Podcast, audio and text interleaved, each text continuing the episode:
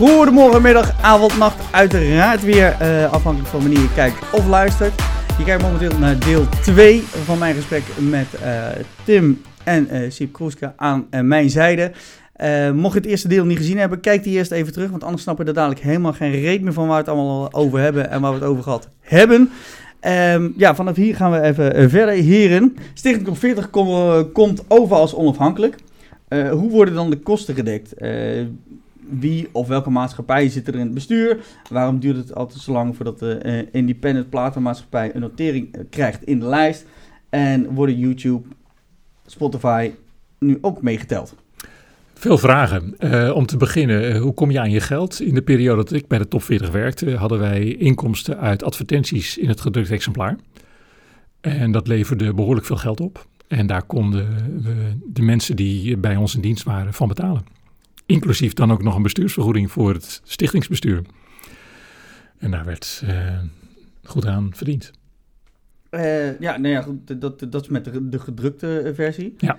Tegenwoordig, die is er nu niet meer. Tegenwoordig is er ook geen personeel meer. Er is uh, één persoon nog die verantwoordelijk is voor de samenstelling van top 40, tipperaden en nog hier en daar wat andere dingen. En, en um, uh, dat heeft ook te maken met een, de deal voor de top 40 met Q-Music. Daar wordt op jaarbasis een bepaald bedrag voor betaald. En daar kan men zeker van rondkomen. Oké, okay, vandaar dat het ook iedere keer... Want eerst zat het bij 538. Dat is nu dus bij Q-Music gegaan. Ja. Alleen 538 heeft nou weer een eigen Precies. top Ja, weet je, dus hoe meer lijsten er komen, hoe minder dat waardevol en waard is. En, uh, maar je ziet ook steeds meer de, de ontwikkeling, de trend, dat uh, ieder station heeft wel zijn eigen hitlijst. En daarmee ook gezegd dat er in Nederland geen betrouwbare landelijke hitlijst meer is. En dat kan ook haast niet meer. Het is ook zo moeilijk om een, een betrouwbare landelijke hitlijst samen te stellen op basis van wat op dat moment voorhanden is aan data. En die data die haal je overal vandaan. Streaming, uh, views, uh, likes, weet ik veel wat allemaal. Ja. Uh, daar is heel veel mee te doen. Daar kun je ook heel veel mee manipuleren, zeg ik je er heel eerlijk bij. En ja, iedereen heeft zo zijn eigen belang. En het is heel belangrijk om ervoor te zorgen dat je zo onafhankelijk mogelijk met een heel duidelijke helikopterview ernaar kijkt. Om ervoor te zorgen dat het ook zo onafhankelijk mogelijk kan zijn het materiaal wat je krijgt. Maar aan de andere kant, toen ik bij de top 40 werkte, ook al later bij de Megatop 50 en ook nu nog steeds. Je doet dat op basis van de informatie die je krijgt. En daar stel je de hitlijst op samen. En als dat gemanipuleerd is, dan is dat gemanipuleerd. Um, en wat ik er straks in het voorgesprek ook zei, er zijn ook altijd mensen die zeggen van, uh, ja, je hebt het niet tegengehouden en ik begin een kort geding tegen je, ik sleep je naar de rechter. Nou, doe vooral. En dan laten wij vanzelf zien uh, wat we allemaal doen om zo'n hitlijst samen te stellen. In het verleden vaak is dat gebeurd. Ja. En dan kwam iedere keer weer naar voren dat de betrokken beklaagde uh, geen gelijk had. En uh, ja, goed, in dit geval, wat, wat uh, over die samenstelling in uh, YouTube, Spotify, gaat het daar ook allemaal in mee? de sales? Ehm, ik weet ehm, van de top 40 samenstelling dat gekeken wordt naar playlisten van 538 Q Music 3FM. Dat is van een paar jaar geleden en ik weet niet of dat nu nog zo is. ik weet wel uit een redelijk recente uitspraak van Erik de Zwart, die uh, voorzitter is van het bestuur van de Stichting Nederlands Top 40 en ook het visitekaartjes van de Top 40.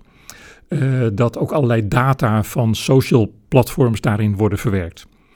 Uh, en dat is natuurlijk lekker vaag, maar dat doe ik ook. Want ik wil gewoon niet te veel dat kijkje in de keuken geven om te voorkomen dat het nog meer beïnvloed wordt of ja. dat het beïnvloed wordt. Ja. En hoe meer data je verzamelt, hoe minder die uh, factor van manipuleren werkt. Stel dat ik alleen een hitlijst zou samenstellen op basis van YouTube. Ja, ja, ja. Gaat iedereen aan YouTube uh, ervoor zorgen dat er zoveel mogelijk views ontstaan via de fanclubs en wat dan ook? Ja, ja of gewoon de alles is koop. Ja, ja je koopt ze. Ja, en, je streams, alles is En je, je kunt ook heel vaak op de achtergrond al van YouTube en Spotify en andere platforms zien waar de populaire steden zitten. In dit geval bij, bij Spotify. En dan zie je bij een Nederlandstalig artiest uh, Brussel en Parijs en nog verder weg. Ik denk, hoezo, waar haal je dat vandaan? Dus dat kun je nauwelijks serieus nemen. Ja, maakt, maakt het dan, dan wel moeilijker? Goed, en, en, en wat, wat, uh, nee hoor, dat maakt het helemaal niet moeilijker. Nou ja, als je dat allemaal, allemaal uit moet gaan lopen zoeken iedere keer. Ja, maar dat is een kwestie van een, een goed systeem daarvoor hebben. Ja goed. ja, goed. Dus heb je alsnog een, een stappenplan wat je afloopt. Maar natuurlijk. Ja. En dus mijn vraag was toen straks, is bij iedere programmeur dan dat stappenplan Hetzelfde. anders? Of, hou die, of heeft iedereen zijn eigen stappenplan wat voor hem uniek is en wat hem dan ook een betere programmeur maakt dan iemand anders? Of een betere samensteller? Ja, Wisselen jullie dat uit of houden jullie dat geheim voor elkaar? Eh, nee, dat weten we niet van elkaar. En dat willen we ook vooral zo houden, omdat we altijd zelf vinden dat we het beste verhaal hebben. ja, tuurlijk. En de zijn beste er veel samenstellers? Nee. Dat, dat clubje lijkt me ook vrij klein. Ja, dat is Stichting Nederlands Stoffeerdig en dat ben ik. En eh, eh, GFK doet nog een klein beetje op basis van allerlei data, maar dat is ook niet veel. Eh, dus dat zijn ze. Nee, ja, want G- GFK, die, die gooit het, eh, tenminste vroeger wel altijd op de sales. Grotendeels. Ja, sales en Sales eh, bestaat niet meer. iTunes is al lang dood. Eh, dus waar haal je je sales vandaan? Die zijn er niet. Of denk je dat wat er verkocht wordt bij eh, Blokker nog enig impact heeft op de actuele hitlijsten? Nee, dat is alleen maar budgetmateriaal. Dus dat haalt nooit een hitlijst. Dat is ook helemaal niet interessant. Nee, maakt het, maar ja, goed, in, in wat voor, want dat is ook een van de vragen eh, eh, eh, die, die er gekomen is. Van ja, wat is dan de truc, en in dit geval voor de Nederlandstalige hitlijsten, om, om daar alsnog binnen te komen? Zorg nou gewoon, kijk, if you don't promote, a terrible thing happens. Puntje, puntje, puntje, namelijk niets, nothing. Dus als je niet promoot en je ondersteunt je product niet, je hebt je geen plan als artiest om een product in de markt te zetten, begin er niet aan. Dus wat dat betreft, het is heel simpel. Ga met een goed plan aan het werk. En zorg ervoor dat je je socials op orde hebt. Zorg dat je alle vormen van ondersteuning kunt vinden. Het zij met YouTube, het zij met radio, het, het, verzin het. En maak een goed plan wat past bij jouw product. En zorg ervoor dat men het kent en dat men het weet en bouw het op. Ja, en gewoon een goed nummer maken scheelt ook een hoop, hè? Maar natuurlijk, dat is toch essentieel? En dan ga ik weer terug aan wat ik er straks zei. Dat mensen, ja, je hebt een hit tegengehouden. Nou, echt niet. Hits zijn niet tegen te houden. Ja, goed, in dit geval zeggen de promotie moet, maar als de promotie, de promotie, je kan net zo'n grote, grote promotiecampagne opzetten als je wil. Maar op het moment eh, dat moet je toch bij de radio's op een, Ja. een of andere manier zien te Nou, komen. en gebeurt dat niet, is het geen hit. Klaar. Dus dan zijn degenen die, die het meeste zou moeten beïnvloeden, eh, wat vaak gezegd wordt, met een zak geld naar Hilversum gaan en daar binnen zien te komen. Nee helemaal niet. Het is een kwestie van met goede informatie naar de muzieksamensteller gaan van het radiostation. En zeggen van dit gaat er met mijn product gebeuren. We gaan dan en dan gaan we uit. Luister eens naar en kijk of het past bij jouw station. Vaak weet je dat van tevoren al of je naar Q-Music moet of wat dan ook. En Q-Music, Sky Radio en 538 eh, met name, eh, die draaien alleen maar top 10, top 20 hits en verder niks. Een hele enkele keer wat nieuws omdat ze het zelf leuk vinden en in hun format past. Want we hebben het over muziekformats hè, bij radiostations en Mhm. daar past iets wel in. Dus bij Sky Radio hoef je niet te komen met de snolle bolletjes. Dat gaan ze never nooit draaien. Dus dat moet je ook niet zijn. Je gaat ervoor naar Radio NL, je gaat ervoor naar TV Oranje en je gaat naar 8FM en weet ik veel wat allemaal, wat er aan, aan mogelijke regionale stations verder nog zijn. Eh, en daar ga je, ga je jezelf eh, promoten en dan ga je interviews doen en je gaat een akoestisch dingetje doen. eh, en wat, wat allemaal mogelijk is. En je gaat op YouTube dingen, ga, je, ga je naar je doelgroep promoten en uitzenden en noem maar op. Dus er is heel veel te doen. Maar je hebt een plan nodig. Kijk, je, je kunt ook een podcast maken en als je dat gewoon gaat opnemen en je zet het ergens neer, garandeer je dat er niemand luistert, omdat niemand het weet. Dus je moet dat promoten. Ja. En daarom gebruik, gebruik je de socials ook om te zeggen van nou die zit er dan en dan in en die gaat dat en dat. Kom maar met de vragen. Nou, daar hebben we ze nu. Maar hier definiëren we dan ook wel een hit als een eh radiohit. Want ik, er zijn ook veel mensen die gewoon een nummer maken... wat eh, misschien op YouTube heel erg scoort... maar wat gewoon niet nergens op de Nederlandse radio past. Ja, maar maar heel- feest, feestcafé. En daarvan inderdaad. zou ik precies. kunnen zeggen... daarvan zou ik durven te zeggen... je hebt een hit tegengehouden... omdat het misschien elders wel een hit is... maar niet op de radio past. Nou, maar weet je, er is altijd een verschil tussen radio en wat er verder gebeurt in het land. En ik hou alles in de gaten. Mhm. Dus ook wat er in het land gebeurt, ook wat er bij radio gebeurt, ook wat er online gebeurt. Ik hou alles in de gaten. En dit is heel interessant. Weet je, dus op het moment dat iemand zegt van ja, maar op YouTube is het een hit, dat is mooi. Maar de rest? De rest doet het niks. Maar Nee, dat komt nou. omdat het daar ook niet past. Nou ja, kijk, urban muziek is vooral heel erg populair op Instagram en YouTube. Ja. Dus Daar daar doe moet ik ook een beetje op. Dat er inderdaad urban artiesten zijn die zeggen... ik maak muziek, ik maak muziek, ik heb, ik heb een heel groot bereik... ik heb een doelgroep, die willen mij horen... maar ik ga nooit op de radio komen... omdat zijn teksten eh, Ja, hoog, misschien zijn. hooguit Phoenix. En dan heb je het wel een beetje gehad, maar dat is toch prima dan? Ja. Dan heb je toch je doelgroep bereikt. En ja, je voor krijgt- mij wel. Hey, ik, mij Ja. hoort ook niet klaar. Alleen ik, ik kan me voorstellen dat die persoon dan zegt... jij hebt een hit tegengehouden, want ik heb namelijk bereik en een goede plaat. Alleen doordat jij een kleur toekent aan hetgene wat in de top 40 past... kan ik geen hit scoren. Ja, maar goed, pas op. Hè. Ik, ik heb tegenwoordig niks meer met de top 40 te maken. Want ik, Mhm. zou, ik zou absoluut een andere manier van samenstelling hebben. Ja. En het ook veel breder zoeken. Maar het past niet bij het format van het radiostation 538 en nu Q-Music. Dus die willen geen urban muziek in die lijst hebben of nauwelijks. Of alleen als het heel populair is. Maar is het dan niet tijd dat er, een, dat er wel een soort van onafhankelijke top 40 komt... waar alles in past? Ja, maar wie, wie zou die dan uitzenden? Want het, Ja, maar- het is in dit geval in opdracht van. Ja. Dus degene die de opdracht geeft, ja, wie betaalt, bepaalt. Precies. En niemand in Nederland heeft meer een belang voor een, een landelijke representatieve hitlijst. Niemand. Ook Nee. de muziekindustrie niet, want die hebben geen rol meer. Je zet gewoon lekker je Spotify Weekly... eh, Exact. Weet je, en de gemiddelde artiest heeft maar één verdienmodel, dat is live. En die hebben het op dit moment heel zwaar en moeilijk, omdat ze niet kunnen optreden. En die kunnen nu alleen nog maar promoten en liedjes uitbrengen en ervoor zorgen dat ze in ieder geval hun naamse bekendheid vasthouden. Dat is al pittig genoeg. Dus wat dat betreft, eh, ik zou absoluut eh, heel veel support willen uitdragen aan al vooral de Nederlandse artiesten, die het op dit moment gewoon mega, mega zwaar hebben. Met gewoon geen inkomsten. Ja, en hadden ze in België zo'n eh, actie eh, Luister Belgisch. Heeft dat nou echt zin dan om voor die artiesten? Nou ja, ik denk dat op het moment, en dat hebben we in Nederland ook gehad, dat we, was het 27 april, alleen maar Nederlandse muziek, Nederlandse muziekproducties? het ook op, hè? Nou ja. Ja. Zoveel mogelijk Nederlandse taal. Ja, dat snap ik, want Maar Buma, dat- Buma dat- wil gewoon knaken zien zelf. Ja, Die dat- denken, anders moeten we eigenlijk diepvriespizza's eten. Ja, maar waar, waar het ook vandaan komt, Buma heeft ook een belang natuurlijk. En, en als het hun copyright is wat zij in huis hebben, en dat is het grootste geld in Nederlands copyright, dat willen ze zoveel mogelijk op de radio hebben. Daar hebben ze ook constant hun lobby's voor. Eén dag in het jaar is niet genoeg.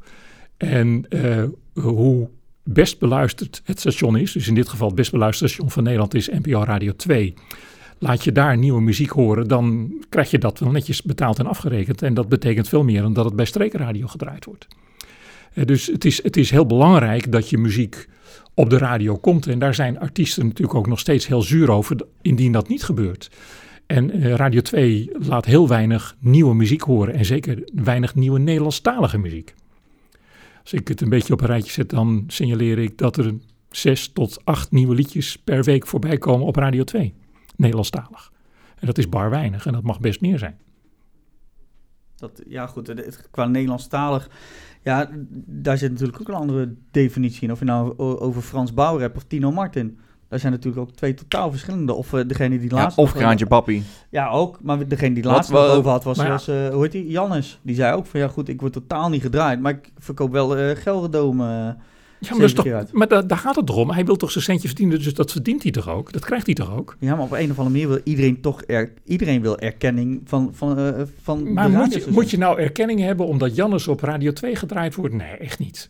Daar zit zijn doelgroep niet eens. Dus die mensen, op het moment dat ze Jannes op Radio 2 horen, zetten allemaal de radio uit. Ja. En dat gaat de zendermanager en de muzieksamensteller niet, niet doen. Vergeet het. Dus het is heel logisch. En Jannes verkoopt Gelredome uit. Nou, wat wil hij nou nog meer? Ja, dat, dat, Twee- dat was twee het keer- dingetje. Twee keer Gelredome, Gelder- ja, twee keer Gelredome en in de top 40 staan. Ja, nou goed, maar dat, Top 40 staan. dan moet hij een deal maken met, met Snolle Bollekes. Dan gaat hij er een paar keer Gelredome uitverkopen. Maar staat hij niet in top 40. Snolle Bollekes heeft ook nooit top 40 gehaald. Nee, maar dat maakt toch niet uit. Die heeft toch een fantastisch inkomen en een geweldige baan en heel veel succes. Ik bedoel, ga nou niet het onmogelijke wensen en vragen en dromen. Want Ja, maar ik denk dat al- al- als artiest, dat dat, eh, als artiest is denk ik goed, een, een, een stadion uitkomen, dat, dat, dat is natuurlijk een droom van iedereen. Ja. Maar op de radio komen of top 40, ja, dat is toch, ja, voor artiesten is dat toch het, het, het ja, daar, geloof ik, ultimatum, denk ik. nee, daar geloof ik helemaal niks van. Dat is fake. You are fake. nee, maar, de- maar de- anders zou Jannes die uitspraken niet doen. Dan zou hij niet zo, niet zo aanstootgevend vinden op een of andere manier van, joh, luister. Maar luister, hij doet die uitspraak omdat hij dan weer wat media-aandacht heeft. Laten we nou gewoon eerlijk zijn. Hij kan deze uitspraak doen, want hij heeft weer, dan zit hij weer een RTL Boulevard of dan zit hij weer een ander mediaprogramma. Daar gaat het toch om? Ja, en hij kan beter in RTL Boulevard of een ander mediaprogramma zitten dan dat hij één keer op Radio 2 wordt gedraaid. Daar schiet hij echt helemaal niets mee op. Maar frustreert jou dat, dat mensen dat zeggen? Ik vind het, ik vind het een beetje suf. Vind, vind het, ik vind het aan één kant slim, want je krijgt er media-aandacht door. Nou, die heeft dat gezegd en die heeft dat gezegd. Nou, oké, daar wordt weer over gekletst. Daar vullen ze programma's mee op televisie. Maar heb je dan iets van, nou jongens, hou er nou eens een keer over op. Ja, dit eigenlijk wel. Maar moet er dan niet toch meer je openheid van zaken komen? Anders blijven die mensen erover zagen. Maar luister, vanuit de, de support van een label waar zij dan vaak vandaan komen, wordt dat ook gezeurd en gezamenkt. Mhm. En daar moeten we eens een keertje mee ophouden. Het is niet reëel. Maar ben ik dan degene die dat moet zeggen? Nou, met alle plezier, jongens, kom op. Ja, maar ik denk dat je ik heb niks openheid te winnen, niks te verliezen. Als je openheid van zaken geeft, dan zijn, zijn er en blijven er altijd mensen die zeuren. Altijd. Dat is altijd. Ja, dat Je klopt. kan het voor niemand goed doen, toch? Maar die geloven ook in de Illuminati, die mensen. Dus die Ja, moeten- dat zijn de, de alihoedjes. Ja. maar, maar Tim, luister, in plaats van één keer 013 wil jij ook wel twee keer of een hele week 013 uitverkopen. ja, graag. Ja, nou oké. Maar werk eraan en je krijgt het voor elkaar. Ja, jongen, ik doe het ook mijn best. En kijk, als Jannes per se eh, op NPO Radio 2 wil, gaat hij waarschijnlijk Gelderdoom niet meer uitverkopen. Dus het is een kwestie van keuzes maken. En nee, maak de goede keuzes voor je doelgroep. Wat wil, wat wil jouw doelgroep? Die willen in het Gelderdoom feest vieren met Jannes. Die gaan echt niet naar Radio 2 luisteren, dus vergeet dat gewoon. Veel beter. Ja, en ik denk dat het daardoor ook juist makkelijker geworden is momenteel om je doelgroep te bereiken. Want je, ja, weet je, dan lanceer je lekker een eigen podcast en eh, presenteer, de top, presenteer daar de top 5 Nederlandse platen van die week in die jij eh, top vindt. Ja. En dan kan Jannes er wel in zitten en luistert je publiek ernaar. En eh Precies. ja, verzin iets leuks op YouTube, een eigen serietje of zo. En dan, Ja, maar dat, dat gaat iedereen ook steeds meer doen. Hè? Het, het vloggen met name. De, de, de- het zij de opnames, het zij eh, dagelijkse rituelen. Ja, je hebt nou wel meer platformen eh, om, om jezelf te kunnen presenteren ten opzichte van vroeger natuurlijk. Vroeger en- was het natuurlijk eh, veel meer beperkt. Ja, en, daarnaast heb ik ook nog een heel mooi platform gemaakt met 50 jaar Nederlandstalige hits verzameld, het NL Hitarchief. Dus wil je weten welke hits Jannes heeft gehad in de Nederlandstalige hitlijsten van de afgelopen jaren, dan kun je dat daar ook weer terugvinden. En kun je dat weer gebruiken als argument van kijk eens hoe populair ik ben. Dus hij heeft eigenlijk ge- geen recht om te zeuren. nee, en we hebben het nou weer over Jannes. we dus hebben ja. nou weer, oh, dit is ook de eerste keer dat we het over Jan hebben. oh. Kijk, Snollebollig is vaak voorbij gekomen, inderdaad. En, eh, en eh, Tino Martin en, eh, en opgeblazen. En, maar ja, dit is Wat- de eerste keer anders. eh. Wat, wat is nou de, het is een interessante, eh, wat is nou de beste Nederlandstalige artiest van dit moment? Ja, dit moment, beste, sowieso is beste is, is relatief. Voor iedereen is het anders. Ja, precies, maar, maar ga... Maar als je nou gaat eh, kijken van wie er het meest in de top 50 lijst staat. En nee, net op, zo moet je niet redeneren. wat populair is en wie veel Ik denk Snelle. Ik denk Tino Martin. Ik denk sneller. Ik denk dat hij een eh, hele brede doelgroep aanspreekt. ik denk dat En hij Airplay? heel veel En Airplay? Airplay. Airplay. En ik denk dat hij ook echt mega veel, tenminste als deze zomer was geweest zoals hij had moeten zijn, had hij op ieder festival als headliner gestaan. Want hij was, Nou, ja. hij was betaalbaar, hij is populair, mensen komen naar hem toe, je zet sneller op de line-up, ze komen naar je festival. En hij heeft, de, hij heeft de gunfactor. Ja. Dat is ook een hele belangrijke. Ik ben het met je eens. Ja, nou zit er dan in het midden, hè? Ja, ik- wat ik zeg, ik, ik, ik blij juist, juist met, met Tino, ook met name omdat hij zich met, met hetgene wat hij er omheen, omheen heeft. eh, eh, ja, goed, dat is een urban scene, dat is een bepaalde scene dat je denkt van ja goed, dat heeft een Nou ja, ik denk dat grotere vorm Snelle dan zichzelf wel, ik denk dat Snelle Hij is er zichzelf wel snel uit, uit de urban scene heeft getrokken. Dat hij voor zichzelf, dat is ook iedere keer de truc, hè, dat deed Busy ook. Dat is eh, ja, jezelf een soort van uit die scene plaatsen en eh, iets verzinnen wat nog niet verzonnen is. En niet achter al die andere rappertjes aanlopen. Maar wel het contact met die scene houden. Ja, Ja. zeker. Dat is een hele belangrijke. Ja, ja. En dat zie Bijna je. je eigen genre creëren. Ja, nou kijk wat, wat Tino Martin nu met Kraantje Papi doet. En eh, hoe heet ze? Eh, eh, ja, precies. Weet je, dat zijn, dat zijn mooie combinaties waarin eigenlijk drie werelden bij elkaar komen. En je creëert een soort van bijna middle of the road liedje. Hè? Loop niet weg is gewoon middle of the road aan het worden. En dat wordt, ik denk, een nummer één hit. Ja, ik heb het zelf in de hand. Dus, eh, Ja, ik wil het zeggen. Primeur, primeur, komende week, toplijst. Ja, we weten hem al. Nee, de, de komende week staat hij nog steeds op nummer twee. Ah, wat staat er op één? Eh, ja, dit komt vrijdag pas online. Hè. Is dan, Dik eh, op vrijdag. Wat staat er vandaag op één? eh, dat weet ik niet. Een beetje... Nog een zak geld meenemen? Nee, eh, Nee, nee, nee, nee, nee, nee, nee, nee. Je mag het proberen, maar het heeft geen enkele zin.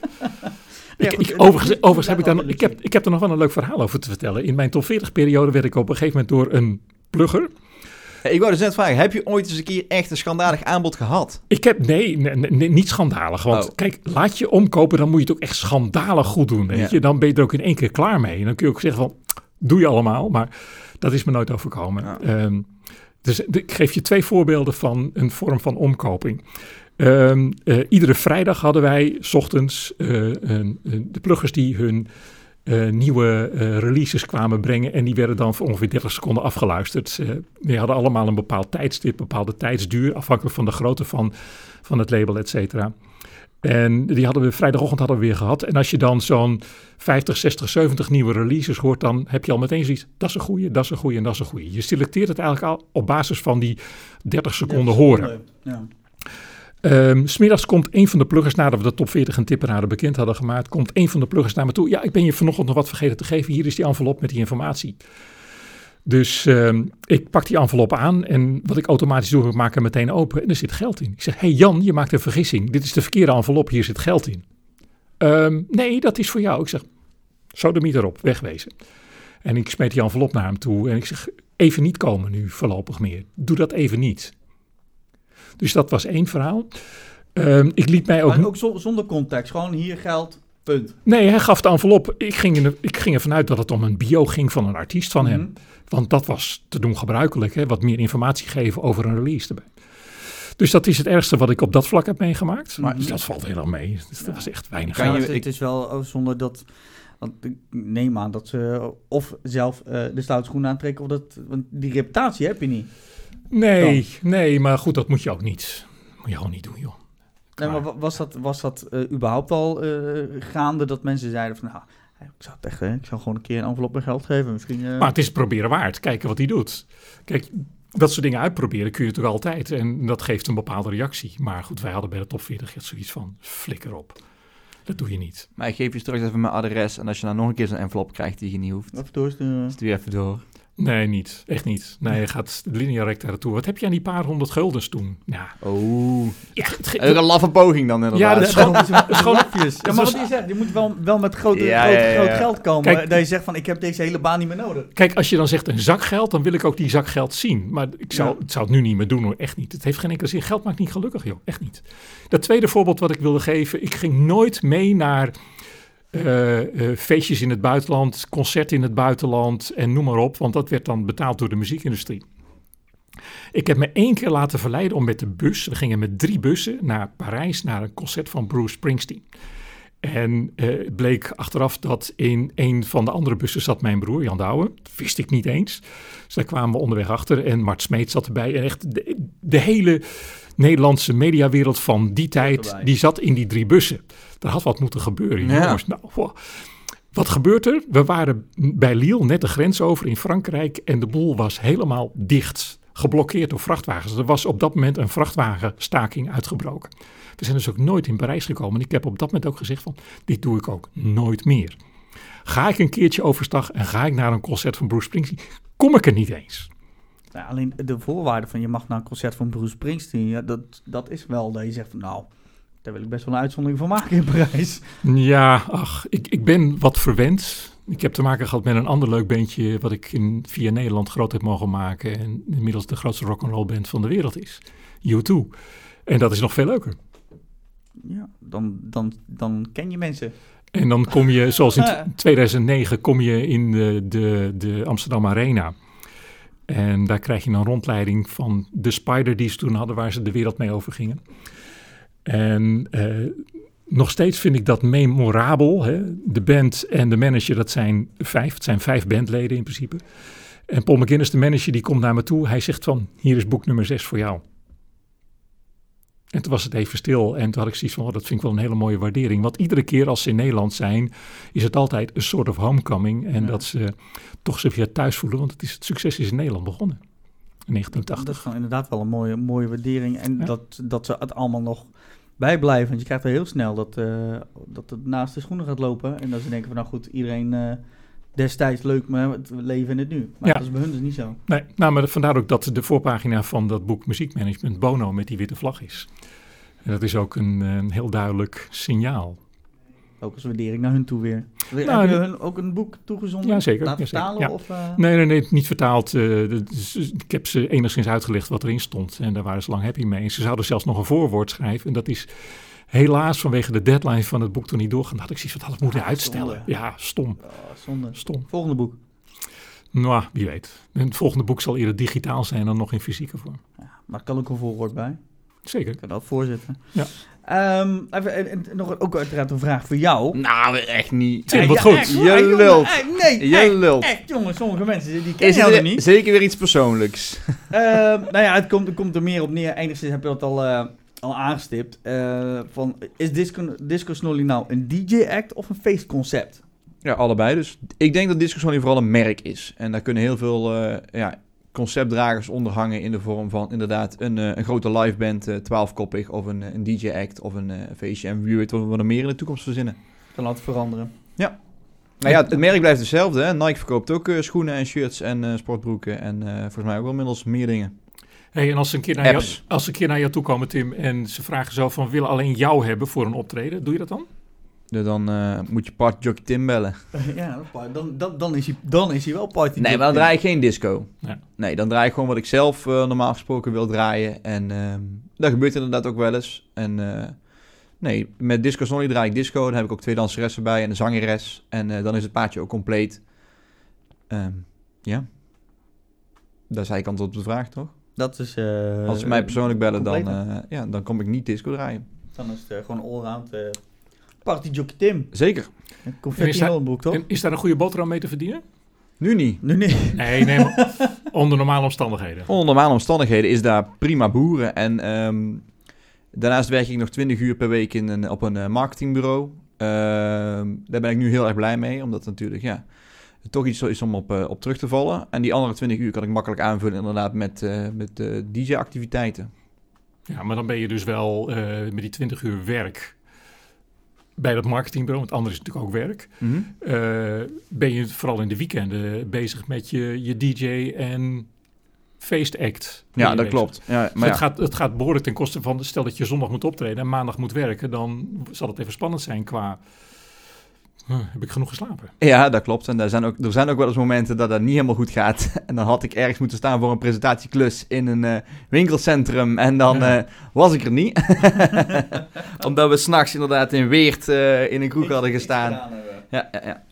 Nee, ja, maar dat is, ik vind dat... ehm, ik doe vooral waar ik zin in... Of wat ik leuk vind. Dan moet ik eigenlijk... eigenlijk zo, moet- zo moet ik het eigenlijk zeggen. Ik doe vooral wat ik, eh, wat ik leuk vind. En dat vind ik eigenlijk het belangrijkste. En vooral die afwisseling vind ik heel erg tof. En dat ik de ene keer...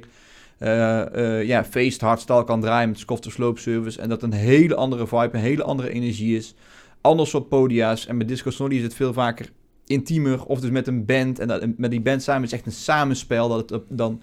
Je staat niet meer alleen op het podium of met een MC, maar je moet echt op iedereen letten. En ehm daar, daar, daarvoor moet je ook voor repeteren bijvoorbeeld. Dat is alweer iets, Ja. iets wat, ja, wat niet bij een DJ-act is. Ehm, kan wel natuurlijk, maar dan wordt het toch al snel een, eh, een toneelstukje wat je opvoert eh, dat uurtje. En als ik zelf draai dan eh, alleen, dan neem ik vaak... eh, dan is het echt de vrijheid die ik... eh, dan heb ik geen concept waar ik binnen moet denken. Dan draai ik gewoon Kijk naar Wat het het- publiek. kijken naar het publiek. Ja. En ehm, ja, ja, je kent het wel. Wat doe je over vijf jaar? Wat doe ik over vijf jaar? Dat, dat is een, dat is een hele... Sollicitatievraag is dat. Nee, nee, nee. Ik vind dat een hele goede vraag. Ehm, omdat ik natuurlijk denk dat alles ehm, eh, heeft zijn houdbaarheid. En eh, eh, nou ja, de, de feest hardstyle scene heeft misschien minder houdbaarheid dan nog dan, eh, dan bijvoorbeeld een disco snolly. Omdat, nou, we kennen de geschiedenis. eh, op een gegeven moment treedt disco-moeheid eh, op eh, in het verleden. Na tien jaar geloof ik dat er alleen maar disco gedraaid werd, waren mensen er helemaal klaar mee. Ja, hoe lang blijft eh, je concept in leven? Kun je je concept eh, in een andere vorm kneden? Dat het eh, nog wel zijn waarde behoudt, maar dat het misschien toch anders voelt of klinkt. Ehm, hoe, ja, ga ik alleen weer door met draaien, omdat ik toch de, de vrijheid mis om eh, te kunnen draaien wat ik wil draaien? Eh, ja, wat, doe ik, wat sta ik over vijf jaar? Ik denk dat het moeilijk, eh, gezien ook de verschillende stromingen die opkomen en afgaan, wat je zegt, net zoals met disco, dat je ten alle tijde, in ieder geval als DJ of iets met muziek doet, dat je ten alle tijde kan schuiven en eh, daardoor kan veranderen. Je ziet het ook met, met, eh, met grotere popsterren. Op een gegeven moment, de, de Taylor Swift zat geloof ik eerst in de country en nou doet ze alleen nog pop. Dat soort dingen. Dus, Ja, en je ziet het ook met DJ's natuurlijk. Hè. Dat Vato González kennen we van de Dirty House. Maar die heeft op een gegeven moment is hij ook al wat andere house gaan draaien. Eh, misschien dat hij ook wel een beetje toch ec- eclectischer is gegaan. Misschien zelfs wel een beetje bubbeling is gaan draaien. Omdat urban eh, populair werd. En weer terug gaat naar de house nu. Omdat dat weer populairder wordt. Ja. Maar dat is natuurlijk wel makkelijker als jij zelf ehm, het product bent. Als jij zelf het merk bent. Disco Snolly is eh, een merk en daar staat wel heel duidelijk afgekaderd eigenlijk wat het zou moeten zijn. Scott de Slope Service ook. Dat is face hardstyle, dat ben, dit is een DJ en een MC. Ja. Ehm, Nou, ik vind het op zich heel slim dat je die variëteit erin hebt, die diversiteit. Omdat je daardoor op verschillende manieren actief kunt zijn en niet specifiek één ding. Wat het gewoon veel interessanter maakt. Ja, je moet, je moet als het ware meerdere ijzers in het vuur hebben. Ja. Inderdaad, als je iets hebt afgekaderd hebt wat, wat puur misschien tijdgerelateerd is, ja, dat je ten alle tijde door kan pakken op, op mogelijke andere, ook weer nieuwe dingen eh, kan verzinnen. En ik denk dat dat eh, de vrijheid is voor een, een DJ in dit geval. Je kan altijd zeggen, nou, ik ga nu ga ik focussen op, eh, op, op, op disco, eh, hardstyle. Ik ga nu door op het feest. Ik, ja, wie weet wat voor muziekstijl er nog komen. En als het in jouw straatje past, want je moet het wel doen omdat je het zelf ook leuk vindt, ga je het doen omdat het moet. Eh, en je denkt puur alleen dat er geld in is, maar je gaat het enigszins met tegenzin doen of zonder de, know- de know-how en het gevoel, dan denk je dat het ook niet kan slagen. Ja, klopt. Ja. Dus- ja. Lang verhaal, maar klopt. Ehm, ja, eh Siep, eh, nog een vraag voor jou. Eh, het bedrijf heet Perfect and More. Ja, hoe is de naam tot stand gekomen? met betrekking tot het, onderzoeken en, en wat voor onderzoeken? Ehm, het was een BV van Wil Luikinga, een oud collega van mij van Radio Veronica. En het was een lege BV inmiddels geworden. En eh, Wil heeft dezelfde accountant als ik heb. En ik was op zoek naar het opzetten van een bedrijf, een BV, eh, in deze vorm. En toen zei mijn accountant, ik heb nog een lege BV voor je, er ook nog wat schulden in zitten. Dus wil je die overnemen? Nou, prima. En schulden was dan belastingtechnisch ook interessant. En eh, zo hebben we dat vormgegeven. En die naam Perfect and More was dus zo. Eh, bij de Kamer van Koophandel stond het ook iets anders ingeschreven, dus hebben we iets laten aanpassen. Ehm, en ja, that's it. Perfect and more. Ja, Dus, eh, omdat het er al was en je hebt het gewoon overgenomen. ja. Punt. Ja, ik, ik had ook nog wel mijn website Megamedia eh, en, en die heb ik in de tijd overgenomen van Jeroen Soer. Dat was een BV van hem. Eh, maar toen ben ik in 2003 failliet gegaan, dus dat is allemaal toen stopgezet. Ja. Ehm, en dit kwam gewoon heel goed uit. Dus dat heb ik in 2006, eh, na de afronding van mijn faillissement en de sneringswet waar ik in gezeten heb, heb ik dit opnieuw opgebouwd en opgezet. Dus echt weer van, van de grond af eh, eerst Ja. helemaal afgebroken eh, Ja. met de ander. En eh, Ik heb de top, nul af aan ik heb de top en de bodem meegemaakt, in ja. letterlijke zin. Ja. Ja, maakt, het maakt het natuurlijk wel makkelijker. En in dit geval ook in het adviseren van bepaalde dingen natuurlijk. Met betrekking tot management, muziek, dat soort dingen. Ja. Ehm, ja goed, met wat, wat er bij de, ook bij stond. Van ja, goed, wat, wat voor onderzoeken doet Perfect and More? Ehm, ehm, het belangrijkste wat ik nu doe is de exportwaarde van de Nederlandse populaire muziek. Dat is een, een onderzoek wat ik jaarlijks doe en op Eurosonic Noorderslag presenteer. En ik onderzoek wat er met Nederlands copyright gebeurt in het buitenland. Dus eh, dat geldt voor rechten, opnamen en optredens. En optredens is ongeveer 85, 90 procent van het totaal. En dat vertegenwoordigt een waarde in geld. Mhm. En ehm, de, de laatste die ik gedaan heb was 2017, 2018. Eh, ja, 2018. En die vertegenwoordigt een waarde van 215 miljoen euro in het buitenland. Dus alles wat er gebeurt, vooral met optredens. En daarvan is 85% dance. Optredens, rechten, opnames en noem maar op. Dus dat is de grootste factor wat er buiten de grenzen van Nederland gebeurt. Ja, dus echt de grote jongens als een eh Afrojack, Martin Garrix, eh, Armin van Buren, Ja, Chesto. Ch- Chesto niet te vergeten, maar een groot deel van de jongens hebben natuurlijk hun rechten elders ondergebracht en ook in het buitenland geparkeerd. Dus André Rieu niet te vergeten. Die ook ja, ja, ja, die was ook nog... eh, Ehm, eh, maar zo zijn er nog een, een aantal die, daar moet je zorgvuldig dingen mee, opgaan, om- mee omgaan. En ik kom aan die data omdat ik een bepaalde relatie heb opgebouwd met managers en bureaus en die eh, aan de hand van een geheimhoudingsverklaring mij informatie verstrekken. Want de Belastingdienst zou ook sommige dingen wel willen weten die ze natuurlijk aan de hand van mijn onderzoek zouden kunnen analyseren, maar dat krijgen ze niet. nee. Hebben ze wel eens aangeklopt? Nee, hoor. Belastingdienst?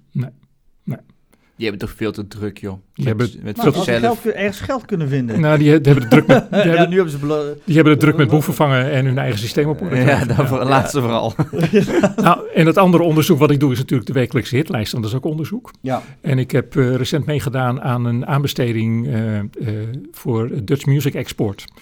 Eh, die ik helaas niet gewonnen heb. Er waren vier bedrijven geselecteerd, ik was er eentje van. En uh, hun redenatie was ook, jij verzamelt al heel veel data, ook vanwege het exportwaardeonderzoek. Dus we vinden jou een interessante kandidaat om die aanbesteding te doen. Dus dat heb ik gedaan. En helaas uh, ik heb dat net niet gewonnen. En wat, wat was de bedoeling vanuit? Um, ook daarin werd vanuit de subsidie die verstrekt wordt aan Nederlandse artiesten... bekeken wat er in het buitenland dan gebeurt en wat er gedaan kan worden, ook met een advies naar de toekomst toe. Ja, dus het is echt een con concreet van, joh, uh, uiteindelijk van hoeveel subsidies we moeten weggeven of uh, kunnen incasseren. Ja, nou, ik, ik, sta daar zelf wat kritischer in, omdat ik vind dat je niet zomaar subsidie moet verstrekken. Uh, daar moet dan ook een goede reden voor zijn en een plan. Hè, van wat gaan jullie de komende jaren doen? En mijn advies zou zijn geweest van de helft mag je gebruiken voor alle vormen van wat je wilt gaan investeren in je product, maar de andere helft ga je terugbetalen. Ja. Daarmee geef je een extra reden om het ook goed te doen. Want stel dat je dat geld voor niks krijgt. Ja.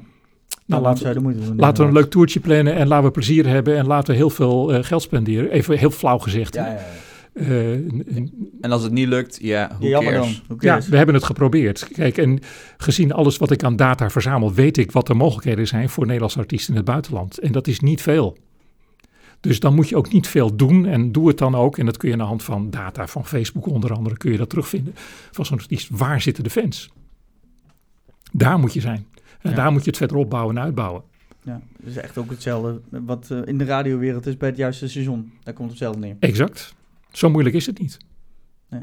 En ja, uh, vooral voor nu, uh, we hebben nou die coronacrisis. Heeft dat nog een effect op, op, de, op de toplijsten, de releases en dat soort dingen? Want ja, goed, er komt um, nog steeds redelijk wel wat uit. Maar... Releases heeft het geen effect. Dat gaat gewoon door. Hier en daar zelfs meer. Uh, maar ten aanzien van mijn onderzoek naar de exportwaarde in het buitenland over 2020, wat ik over twee jaar dan heb afgerond.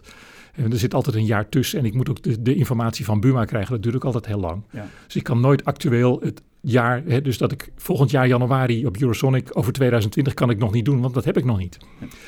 Uh, niet alle data althans. Dus uh, dat heeft zeker zijn effect, want er zullen in 2020, behalve in januari, februari en nog een beetje maart, zullen er geen optredens zijn. Ook niet in het buitenland. Dus dat wordt een heel raar jaar. En ik mag hopen dat vanaf 2020 het weer rustig aan opgebouwd kan worden. Eerder zal dat niet gebeuren.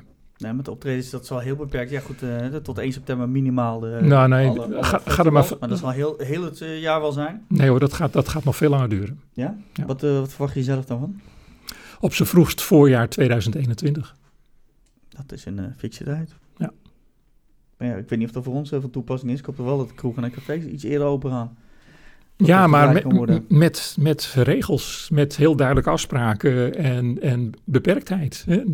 Maar goed, daar, daar kunnen natuurlijk ook op, optredens plaatsvinden. Nou zal er niet, niet veel geïnvesteerd worden. Nee, precies. Kijk, dat, dat zal echt minimaal zijn. Maar... Exact, maar de, kijk, de artiest of de, de, de, band kan wel op een podium staan met nog een redelijke afstand, et cetera. Dat is nog wel te doen, maar het publiek moet komen en je moet ook een bepaalde vorm van afstand hebben. En dat is het moeilijkste. Ja, dus, maar je kunt gewoon een band niet betalen, dus dat zal ik nog ja, een keer... Dan, dan maakt het dan moeilijk. Precies, dat, dat is het probleem dan uiteindelijk.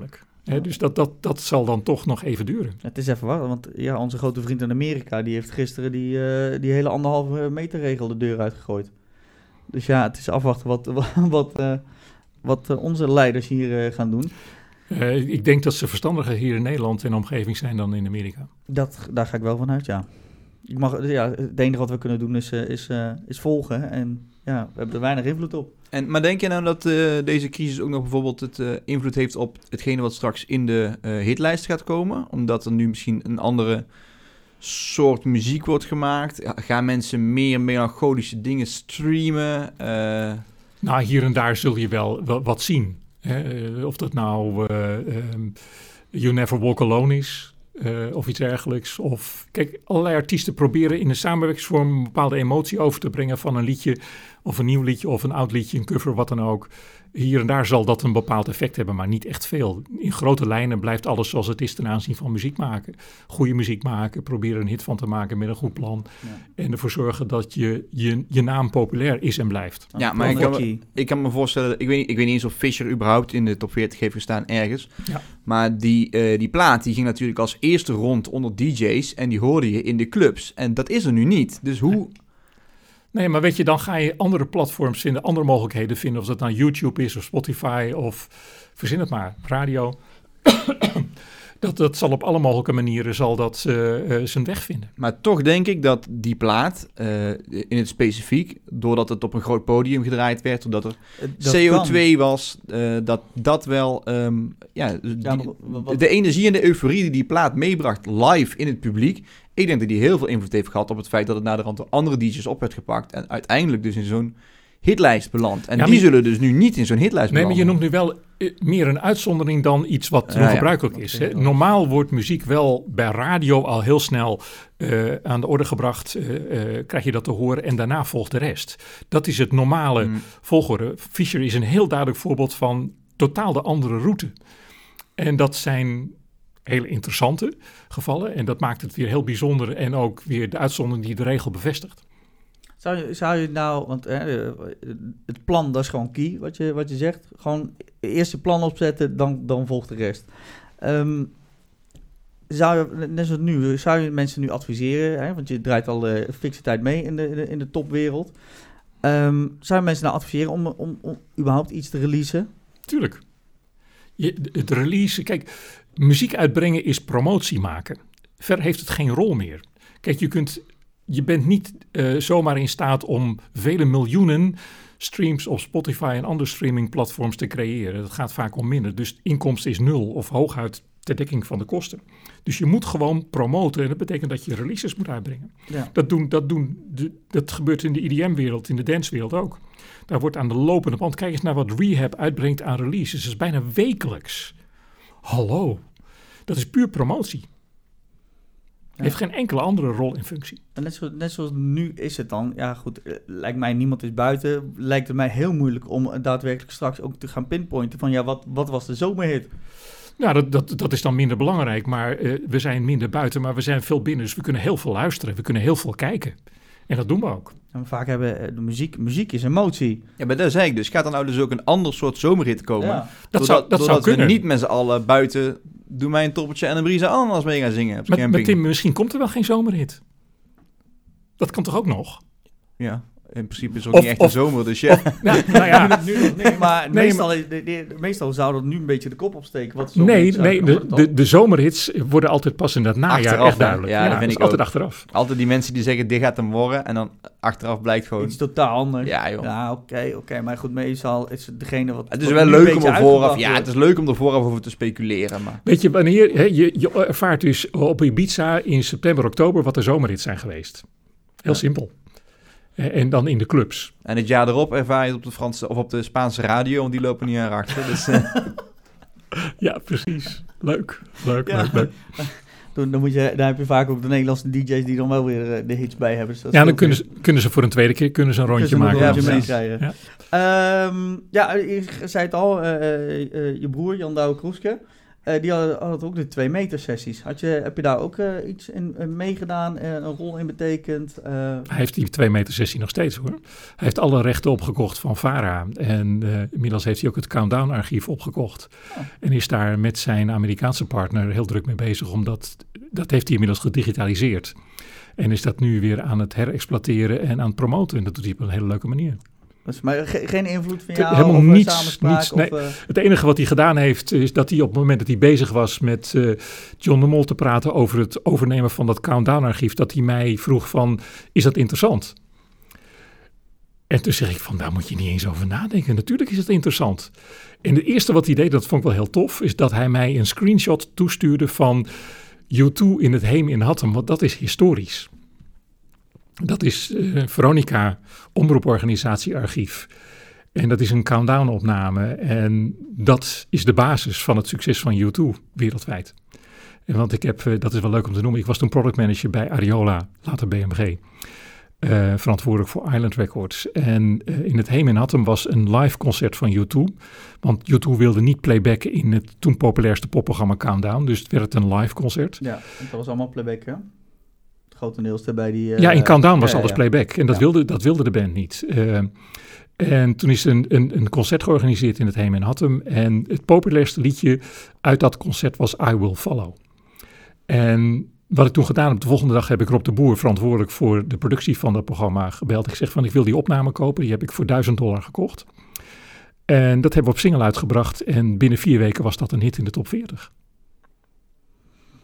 Kan snel gaan. En, en dat was eh, contractueel voor Island Records eh, het moment om de hele wereld kenbaar te maken van deze band heeft nu een hit in Nederland en jullie moeten contractueel ook nu eh, het album Boy uitbrengen en ervoor zorgen dat het gepromoot wordt met een plan.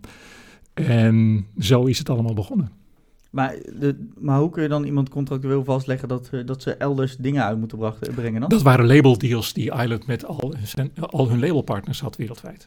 Oké, dus op het moment dat hun zeggen wij hebben een hit, dan moet die, zijn jullie gewoon verplicht. Dat was toen, Klaar. dat was toen een deal, ja. En daarom vond eh, Chris Blackwell, de toenmalige eigenaar van Island Records Nederland, zo'n interessante testmarkt. Want we hebben daarna nog heel veel andere artiesten getest in de Nederlandse markt, die daarna ook wereldwijd succesvol waren.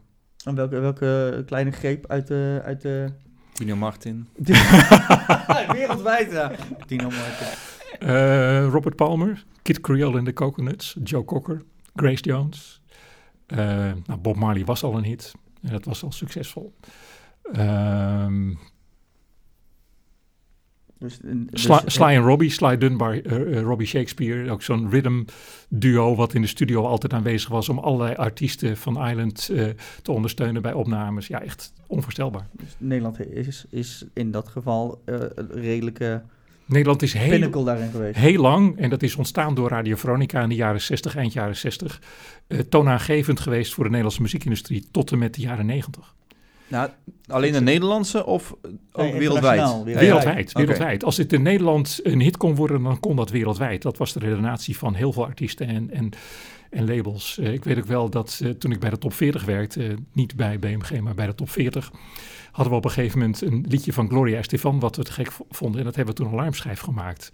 Daarmee is de basis gelegd voor het succes van Gloria Estefan wereldwijd.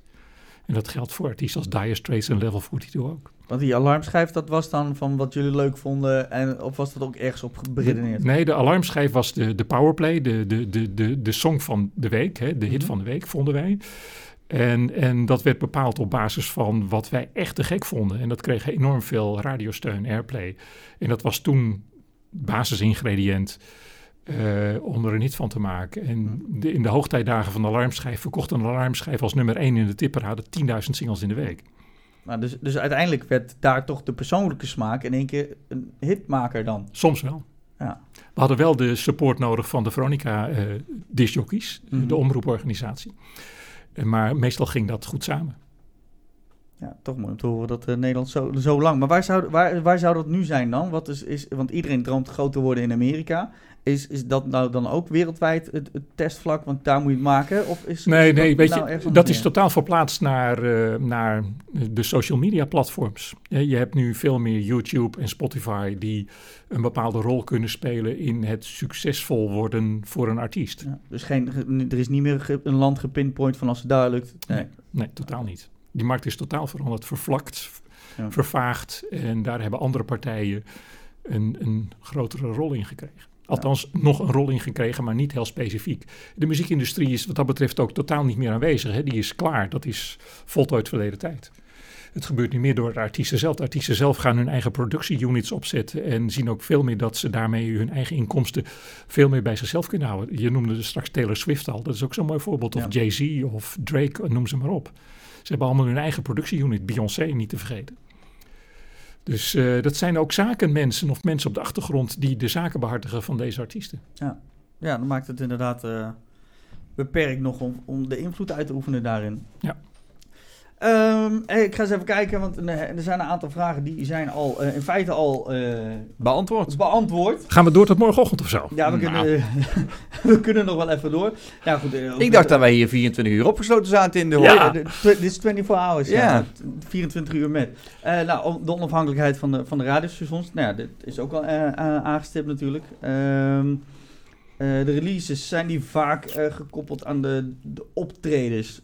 Dus bijvoorbeeld wat je eh, in het verleden heel duidelijk kon zien. eh, vlak voordat eh, Marco Borsato of Jan Smit een, een stadion eh, wilde opvullen, kwam er een paar maanden van tevoren een nieuw album uit. Ja, maar dat, is gewoon een mark- dat is toch gewoon een marketingplan. Dat zo, dat- Ander, andersom, andersom hè. Het is dus, je brengt een product uit, Mhm. een release, en daaromheen worden een aantal dingen gepland. Onderdeel van je plan. En onder andere zijn dat dus optredens of een tour of wat dan ook. Ja. Zo werkt dat. Oké. Ja, En nog je, had- steeds. Je had altijd het idee van, nou goed, het idee is eh, een stadion te doen. Maar goed, we hebben wat nieuwe muziek nodig. Dus we klappen er even een nieuw album van tevoren Maar tegenaan. ja, dat is een leuke redenatie, maar het, is, het begint van we gaan een album opnemen en we brengen eerst een single uit en misschien nog een tweede single uit en dan komt dat album, de boel is goed opgewarmd. Hm. Hè, de fans weten dat het album eraan gaat kopen, komen, die gaan dat kopen. Hè. Tegenwoordig eh, gaan ze vooral luisteren. En, En, die willen het live horen vervolgens. Ja, Ja. en die, die gaan daarna. En daarna begint de voorverkoop van een eerste kuip, een tweede kuip. In het geval van Marco Borsato, een derde kuip. En gaan zo maar door. En tegenwoordig doen ze nog een festivalseizoenetje voor, zodat je wat kunt Festival teasen, kunt nog, ja. wat kunt Ja, en dan... Nou. Precies. Ja. Weet je, en zo werkt dat. En dat is onderdeel van een, een, een uitgebreid. Ja, dan kom ik alweer met het saaie woord plan. ja. Ja. Maar zo werkt het. Ja. En eh, een plan aanpassen. Ik weet niet hoe vaak, hoe vaak je dat eh, met de manager mee hebt gemaakt. Dat bijvoorbeeld, eh, hè, eh, naar aanleiding van eh, optredens eh, gelinkt aan een album. Maar de optredens kunnen op een gegeven moment niet. Wordt dan het hele plan één keer volledig verschoven? Worden er aanpassingen gedaan? Hoe Nou. heb je dat zelf gedaan? Ehm, ja, dan moet je aanpassen. En, en eh, het wilde ook wel eens gebeuren, zeker in mijn eh muziekindustrieverleden, dat een single niet aansloeg. En dan sta je er met je Oeps. concerttoeren ingepland. Ja, en dan moest je dus versneld een volgende single uitbrengen. En dan maar hopen dat het bij radio werd opgepikt. En dan deed je maar een extra promotieactiviteit met de betrokken artiest. En dan werd hij extra overgehaald uit het buitenland om nog wat met de pers, de media eh, te doen en eventueel een optreden bij een muziekprogramma. Ja. In de hoop dat dat dan allemaal wel ging lukken en dat bij elkaar ervoor zorgde dat het dan wel aansloeg. Ja, want eh, wat ik mezelf nog kan eh, eh, voorhalen, ik weet niet of jij dat nog weet. In eerste instantie werd... Van, jou, van jouw tournee. Van mijn tournee inderdaad. Ik, Ja, ik heb al lang geleden, gedaan. Nou, album, album deed het niet zo heel goed. Nee, in 2006 geloof ik, de, uit mijn hoofd, dat Lady Gaga, die, die had die Just Dance uitgebracht. Die deed het over de hele wereld leuk, maar in Nederland 0,0. En vervolgens in 2008 wordt het weer opnieuw de wereld ingeslingerd. En vervolgens wordt het wel een hit. Heeft het dan te maken met toch aan de achtergrond het pushen ervan? Eh, de, hoe is dat te verklaren? Ehm vind ik heel moeilijk om daar echt wat goeds over te kunnen zeggen, omdat ik dat niet voldoende weet aan de hand van alles wat daar toen gebeurd is. Eh, maar ik doe gewoon een inschatting. Kijk, Nederland is eigenlijk best wel een eigenwijs land hè, Mhm. op, op muziekgebied. Ehm, wij zijn in staat om singles niet tot hit te bombarderen, terwijl dat elders wel gebeurt. Eh, nummer 1 hits in het buitenland weer in Nederland flops. Hoe is het mogelijk? Maar het gebeurde wel vaak. Ehm, ik heb dat zelf ook een keer meegemaakt eh, in 1980. Toen de, de Buggles Video Killed the Radio Star. Dat werd wereldwijd de nummer 1 hit in Nederland 15 of 16. Echt iedereen in paniek. Wat gebeurt er in Nederland? Wat is er aan de hand? Nou goed, ik kan me voorstellen dat eh, Lady Gaga in 2006 constateerde van... hé, hey, eh, Nederland doet dat niet goed. Of dat horen ze van de labelmanager of van wie dan ook, van de directeur. Weet ik, weet ik wie dat zou kunnen zijn van moeten we niet eens gaan nadenken of we het wel goed genoeg gedaan hebben en moet er misschien nog een extra promotie komen of moeten we misschien een betere videoclip maken? Maar zou Lady Gaga zichzelf druk hebben gemaakt over waar wij hier onder de zeespiegel aan het doen zijn? Dat weet je niet. Dat zou, me Dat niks, dat zou me niet verbazen als dat zomaar hier en daar telt. Kijk, Nederland is toch wel een belangrijk muziekland hoor. En we staan dan nu niet meer omzetmatig in de top 10, maar we stonden altijd wel in de top 7, top 6 muzieklanden omzetmatig in de wereld. Ja, goed, eh, sowieso wil toch iedereen wat. met de IDM-artiesten samenwerken uit Nederland. Nederland is Champions League wat betreft IDM. Ze Ja, zijn dus toonaangevend daarin. we betekenen nog wel iets. Producers. Dat zeg ik toch ook niet.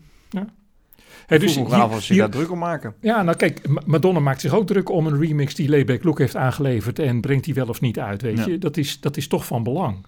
Dus het kan best zijn dat bepaalde mixen van een track van een album dan niet goed aanslaan in, in de clubs of waar dan ook. En dan moet het opnieuw gedaan worden en dat ligt, wordt dan netjes neergelegd bij het label. Maakt het moeilijk. Ja, in 96 kon Michael Jackson niet één worden. Dat busje komt zo stond op één. Ja. Ja, dat, dat, dat, dat zijn toch dingen dat, dat je denkt, hoe kan het in godsnaam? Ga dat maar eens uitleggen. Ga Ja. dat maar eens uitleggen. Dat is, dat is niet uit te leggen.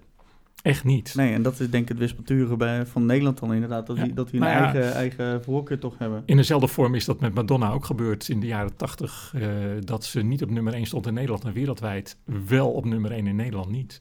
Dat is echt een, een, een zaak geweest voor Warner in de tijd om dat uit te moeten leggen. Moet je nagaan. En we stonden toen op één? Peter Koelewijn of zo met kom van dat dak af. Ik zou... Iets in die buurt. Iets dat wel, hè? Oh, we hadden Nou.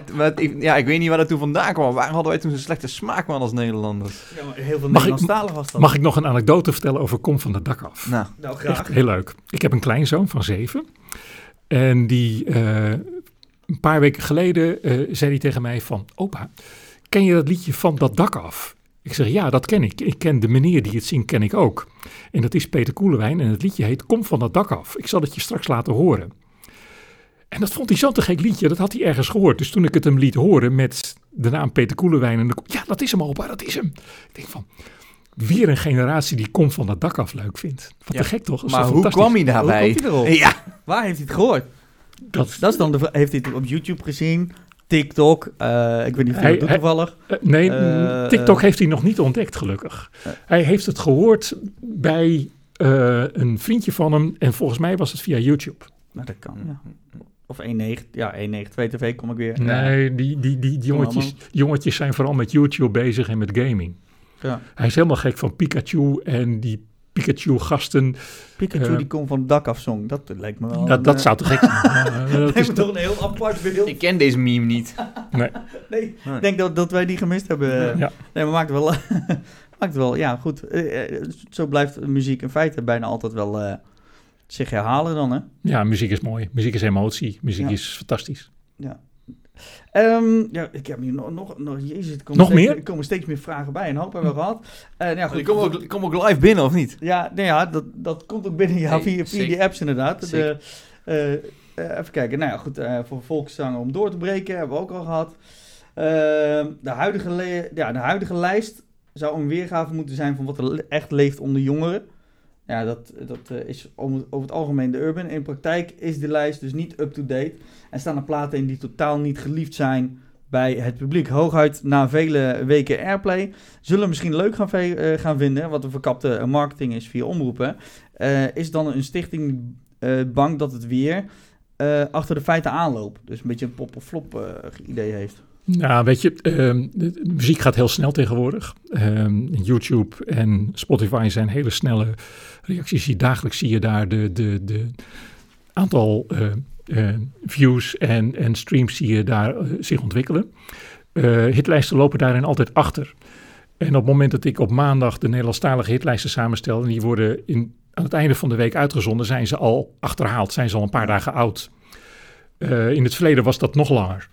Eh, dus hitlijsten lopen altijd achter de feiten aan, tot op zekere hoogte. Maar een artiest wil nou eenmaal toch graag een bepaalde vorm van waardering zien in zo'n hitlijst.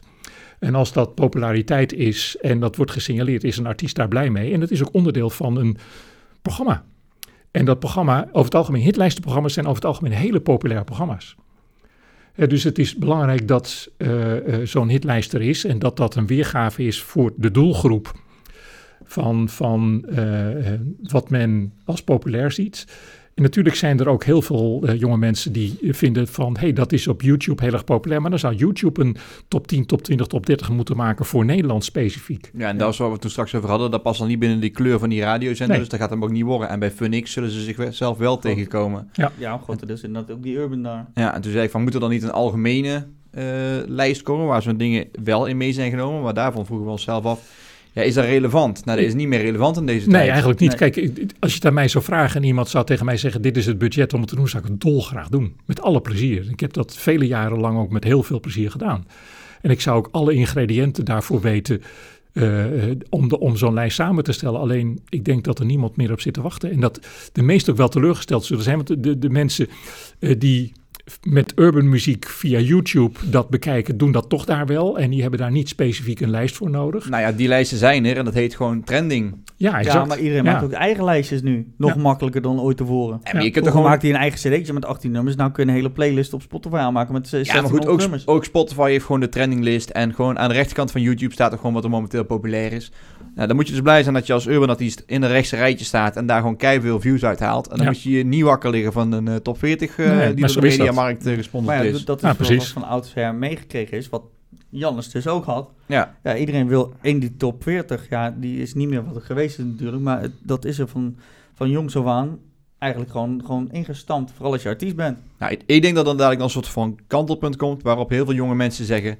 ja, die top 40, ik snap het, maar er staat niet muziek in die ik per se eh, leuk vind. Nee. Daarom ga ik naar YouTube en luister ik niet naar Radio 2. Precies. Ja. Nou, zo is dat. Eh, nou goed, dan hebben we redelijk alle vragen wel gehad. Wat allemaal... eh, eh, Zit er niet nog echt een we- hele vervelende of een hele stomme vraag of zo? Dus dat vind ik altijd leuk. Bijvoorbeeld, eh, Nee. ben, je een, ben je een propper of een vouwer of zoiets? nee. Oké, nou is dat zo? Vertel. ik ben wel een vouwer. Ben jij een vouwer? Ja. En, en, Maar dan komt er ook altijd op kantoor één laagje papier hebben. En dan moet je wel vouwen. Ook de beredenering gewoon. Even kijken. Eh, ja, goed. eh, vele hits in de clubs, festivals. staan niet in de lijst veel omdat het hits zijn die niet ge- gelineerd zijn aan eh major platenlabels. Ja, goed, daar hebben we ook al besproken hè, hoe, dat, hoe dat kan en wanneer eh, een besluit wordt genomen wanneer deze wel in de lijst komt. Ja, dat heeft allemaal met het plan te maken en de aanlevering ervan. Dus dat, dat, dat is bijna het antwoord op iedere vraag. Ja. Valt en staat met je plan. Punt. Ja, tuurlijk. En, en weet je, dat, ja, daar gaat het om, klaar. Zo begint het. Ja. En dat haalt driekwart van de discussies weg. En dat is ook wel zo prettig, want ga je, ga je best maar doen. Maar ik denk dat voor, de, voor velen het eh, misschien te veel moeite zou zijn om een plan op te zetten. Ik denk dat heel snel Maar- verwacht wordt van luister, ik breng een plaat uit, huppakee, de wereld in. En, eh, of ik zie wel wat hij doet. Maar er gebeurt niks. Of, ja, maar dat is het. Of Ja. hè, dat ze afwachten van, kijk wel wat er gebeurt. Of ze zeggen, nou, ik, ik heb een grote zak geld. Wat ik zeg, eh, dat is het idee wat nog bij heel veel leeft. En dan, dan, dan koop ik wel de hit. Maar niet, eh, niet zo doorgedacht als, als de eh, Nee, nou, normale Gisteren, gisteren appte een neefje van me uit het noorden van het land. En die zit in de urban scene. En die jongen is 17 jaar. En eh, die zei van 15 mei breng ik een, mijn EP uit. Ik zeg leuk, wat is je plan? Ehm, nee. Dus er ontstond een, een, via WhatsApp een vrij pittige discussie van... dan ga je geen succes hebben, dat weet je toch? Nee. En redeneren een beetje zoals jij zegt.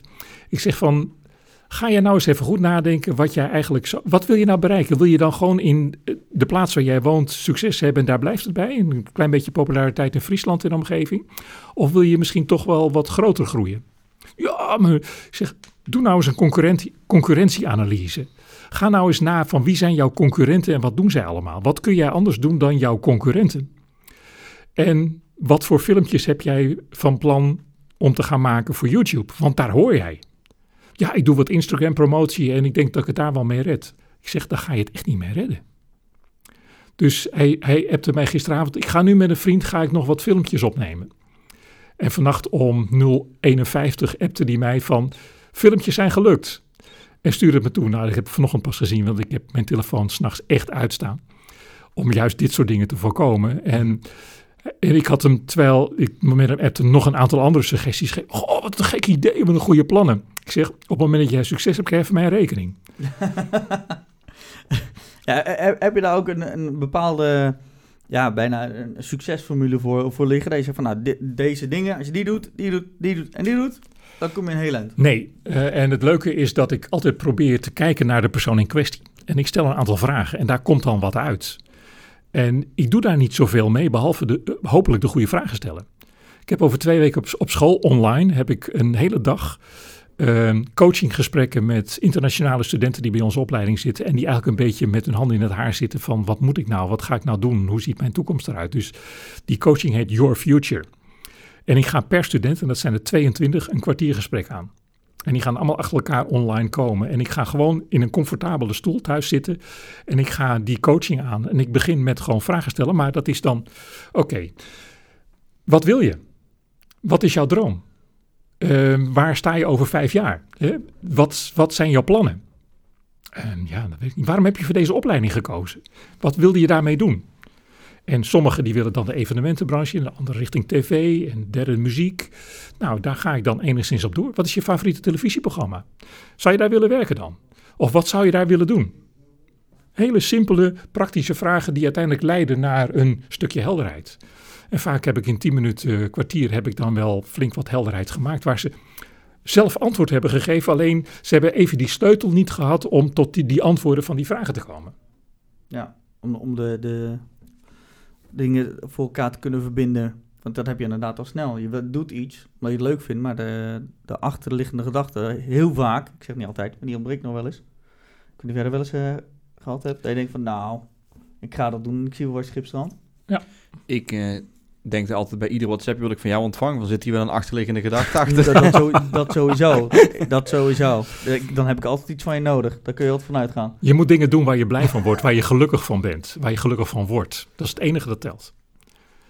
Ja, en de, de plezier erin natuurlijk. Wat ik al zeg, eh, eh, tenminste, je ziet ook een hele hoop mensen die willen beroemd worden en, en geld verdienen, maar de, de, Nou, dat is ga je- bij, bijzaak van hoe ze dat doen. Nou, geld is wel ook een soort van hoofdzaak, toch? Anders dan... eh, Tuurlijk. Nee, maar het begint met, met hè, als je vraagt wil je later worden, een hele hoop, je beroemd, ja, dat betekent niet dat de passie echt volledig in het va- vak ligt. Want je, doet, je, je passie Nee, je moet- uit en dan het beroemd is bijzaak, maakt de boel, Maar weet je- de boel eigenlijk makkelijker om binnen te komen. Ja, maar weet je wat het vooral is? Ik heb vooral te maken met studenten die eh, creatief zijn. En creatievelingen zijn zakelijk zeer slecht onderlegd. Dus het eerste wat je eigenlijk zegt van... ga een goede zakenpartner vinden. Ga iemand vinden die jouw zaken kan behartigen. En die ervoor zorgt dat het juiste contract wordt getekend... met de juiste publisher en misschien een label of een eigen productieunit opzetten. Ga jouw manager ook verder laten praten met een boeker. Ga een planning maken ten aanzien van het materiaal wat je gaat uitbrengen. En doe er allerlei promotionele activiteiten. Part of the plan. Ja, ja allemaal plan. Ja. Allemaal plan. Nou, wij, wij hadden ook een plan. Het plan, in ieder geval voor eh, hierbij, dat doen we altijd afsluiten met eh, het babbelblik eh, kaartjes. We hadden van tevoren gezegd, we hebben een nieuwe categorie erbij. Eh, onder andere eh, voor fitte vijftigers. Dat, eh, ja, je, je vraagt, dan, dan krijgen we het natuurlijk ook. Hè? Kom erop. Daar gaan we Spannend. een kaart uit, allebei even, even snel afronden zoals we dat altijd doen. Pak gewoon de bovenste. Dat is een open vraag. Zo, dat hebben ze niet heel slim geprint. Wanneer ben je voor het laatst doorgezakt in een kroeg? Nou, Jezus, dat is lang geleden. Volgens mij toen ik 18 was. zo lang al? Ja. En daar kun je mee leven. Er zijn heel veel mensen momenteel heel je- jaloers op, hè? Die, die, die zit al pas 40 dagen zonder. Ja, Ja, nou- die gaan nou al kapot. Ik, ik ben, ben geen kroegerloper, eh, moet ik je zeggen. Ehm, ik, ik drink nauwelijks alcohol. Ook dat nog. Bier zul je mij niet zien drinken, want als ik het al ruik ben ik dronken. Dus dat is sowieso heel onverstandig voor mij. En goedkoop. En goedkoop. ja. Ehm, ehm, maar ik hou meer van lekker eten. En dat vooral ook dan zelf maken en bakken en noem maar op. Ja. Ik ben wat dat betreft een Bourgondier, maar dan drink ik er wel een lekker glaasje wijn bij overigens hoor. Als ik gewoon lekker eet. Maar voor de smaak dan echt. Het hoort erbij, Ja, tuurlijk. maar niet echt. eh, Maar dronk- dronken in een kroeg, nee. En, en ik was toen, ik, ik weet het ook nog echt. Ehm, de, ik was disjockey in die bar in Harderwijk, daar woonde ik toen, thuis. En de, de Mac, zo heette die bar. Arnold was de eigenaar en de, en de uitsmijter. Zo'n kast van een vent, twee meter breed en twee meter hoog. Ehm, en eh Freek was de barkeeper en die zei tegen mij van... ik weet dat jij dit glas wodka d'orange niet durft op te drinken in één teug. Nou, dat is, voor, een, voor een 17-jarige is dat een uitdaging. Dus ik deed dat wel.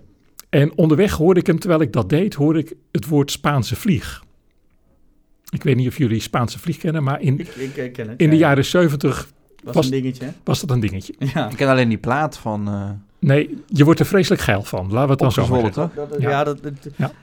dat was inderdaad de bedoeling. Volgens mij had, hij heeft er nooit echt die uitwerking gehad, maar dat, Nee. dat was de mythe die eraan hing. inderdaad. Exact. Nou ja, terwijl ik dus dat glas leeg dronk, noemde Freek dus het woord Spaanse vlieg. En ik denk, barst.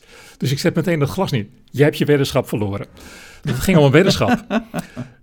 Ik zei, ah, dat vind ik niet eerlijk, want jij noemde Spaanse vliegen en ik, ik wist niet zeker of dat erin zat. En, en oké, ik geef je een tweede kans. En eh, ik moest op dat moment moest ik weer muziek aanzetten als disjockey achter die, achter die bar. Achter die, dat, dat paneelding. Dat is een ronde koepel was dat echt. Ik zie het nog voor me. En Freek geeft mij het tweede glas. Nu in één keer leeg drinken. Toen bleek het voor driekwart gevuld te zijn met wodka. En voor de kleur nog een beetje jus d'orange. nou man, ik heb daarna alleen maar hartstikke, hartstikke Russisch gesproken achter die microfoon. En Arnold heeft me op een gegeven moment naar huis geschopt. En ik was op de fiets en ik heb er Ah, tien keer zo lang over gedaan. Ja, maar in ieder geval nog veilig op de fiets. Voor zover het veilig was. in Mm, was zeker heel gevaarlijk. ja. Lang verhaal, sorry. En jouw, jouw laatste dateert carnaval 2020? Nee, dat was wel, dat was wel gezellig. En ehm, we hebben... Ik was 7 maart jarig en volgens mij was het ook de... Nee, dat was de ene laatste keer dat we nog konden stappen. Voordat nee, we... zes- 6 maart, 6 maart ging de... eh, Nee, 15. Dat was, was 15, ja, 15 maart, ja. Ja, 15 eh, maart, zondag 15 maart, 6 uur. Toen had ik ook wel een, een pilsje op, maar niet... eh, ik denk dat de laatste keer dat ik echt laveloos was, dat was eh, vorig jaar volgens mij. Tilburg zingt de wintereditie. Eh we hebben in Tilburg het gebruik om met eh, Koningsnacht... met z'n allen op de, midden op de cityring eh, met een podium... alle nummers mee te zingen vanuit een krantje. Dan zat er een koor op het podium en ja, een soort uh, massa-karaoke. En ze vonden het een goed idee om dat ook te gaan organiseren in de winter. Ehm, maar ja, dan is het natuurlijk koud en het is buiten. Dus er was eigenlijk maar een heel klein podiumpje. En ja, ik vind... Heel lang heb ik niks aan kerst gevonden. En, maar ik vind het steeds leuker om gewoon expres dan zeg maar al die kerstnummers op te zetten. En toen eh, zijn we gewoon volle bak gaan drinken. Dat begon volgens mij al met in de McDonald's stiekem schrobbeleg in je milkshake duwen. En eh, ja, hoe ik thuis ben gekomen weet ik niet, maar eh, ik- ja. Je bent toch thuisgekomen? Ik ben thuisgekomen. Oh ja, en het leuke was, ze hadden dus dat boekje met die nummers. Maar ja, dat was natuurlijk de eerste keer dat ze het organiseerden met kerst. En toen waren ze na anderhalf uur door alle nummers heen. en toen stond Leo Alkemaande, de presentator daar, die stond zo op het podium van, ja. En nu? En, En nog nu? een keer. En toen hebben we alles gewoon nog een keer gedaan, ja. ik hetzelfde repertoire. Ja. Ja, waarom niet? ja, ja, ja, ja. Ah, je, kan, je kan de tijd ermee vullen, inderdaad. Nou ja, goud. Leuk. Ah. Ja. Hey, nog een open vraag. Even kijken, wel, dan beginnen we nou bij jou. Welk onderdeel van je lichaam ziet er het beste uit? Oeh. Oeh. Oeh. Mijn binnenkant. Jezus Christus. Maar heel, heel eerlijk zijn, hè. Oh, lelijk als je dat zegt. Dat is, dat is echt... Dat, dat betekent dat het gewoon keihard niet waar is. ja, oké. Maar vertel. Welke, welke onderdeel van je lichaam vind je het beste eruit zien? Mm, ja. Iets anders aan het bedenken dan hetgene wat je wil zeggen? Nee, eigenlijk niet. Ik denk dat ik wel mooie ogen heb. Tenminste, dat hoor ik van mijn vriendin altijd. Maar ik vind dat zo cliché. Ik probeer iets te verzinnen waarvan ik denk, nou ja, dat is inderdaad wat ik, wat ik zelf... Nee, maar wat ik zelf ook echt vind. Maar Oh. Ik ben niet ontevreden. Maar het is nou niet dat ik denk, nou, er is een onderdeel heel erg mooi. Ik denk dat het misschien ook niet ehm, om alleen een onderdeel gaat. Maar dat het natuurlijk gaat om een combinatie van onderdelen. Serieus, gaan we zo doen? En jij, Stefan. De vraag draait gelukkig niet om mij. ja. Maar je- dat, dat is je antwoord? Je houdt het... eh, ja, ja, ja. Ja? Oké. Ja, ik vind... Ja. Wat is dat voor vraag, gast? Hey, hallo. Voor Ja, Vijftig. Voor fitte vijftigers. Nou, nou. Moest net, na, net voor of net... eh, wat is dat? Net voor je midlife crisis nog even gaan bepalen wat je het mooiste aan jezelf vindt. Wie weet Terwijl je je, belangrijk, of je, je, je hoogtijjaren er al op hebt zitten. Ja, ja. Ja. dat, is, dat is zeker zo, zeg ik uit ervaring. Want die hoogtijdagen en hoogtijjaren zijn eerder begin jaren twintig dan later. Mhm. Dus eh, en dat is altijd een soort stomme, hè? dat als je dus nog zo jong bent, dat je dan heel veel dingen nog niet weet die je pas later ontdekt. Waarvan je denkt, van, als ik dat eerder had geweten, dan, et. Dan had ik Dus- wel even kunnen laaien, jongen. Nou ja, precies. exact, exact. En dat is toch best wel balen. Ja. Ehm, Of ben je bij jou zelf het eh, mooiste lichaamsdeel? nou, weet je wat het is? Na je veertigste begint alles toch wel een beetje af te takelen. En ik, ik sprak op een gegeven moment een, een zwager van me die zei tegen me van ja, als je 65 bent dan mag je niks meer en dan achter de geraniums en er geen seks meer en dan is alles afgelopen. Ik zeg, god wat triest voor jou. Want dat is absoluut niet waar. Nee, praat voor jezelf, gast. Ja, exact. State of mind, toch? Ik, ik denk dat heel veel mensen totaal niet doorhebben wat je als eh 50-plusser, en in mijn geval 60-plusser, eh, eh, nog van het leven kunt maken en leuke dingen kunt doen. En ik denk dan iets moois van jezelf is voor mij niet meer zo van belang als wel van. Nou, als ik hem dan toch probeer in te koppelen, dan denk ik dat mijn kennis en ervaring op dit moment voor mij het mooiste is. Wat ik weet en wat ik daarmee ook voor anderen kan doen.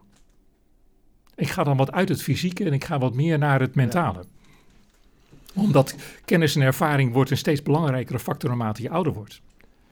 En speelt de seks een minder grote rol dan, dan in het begin Dan, van je leven. Ja.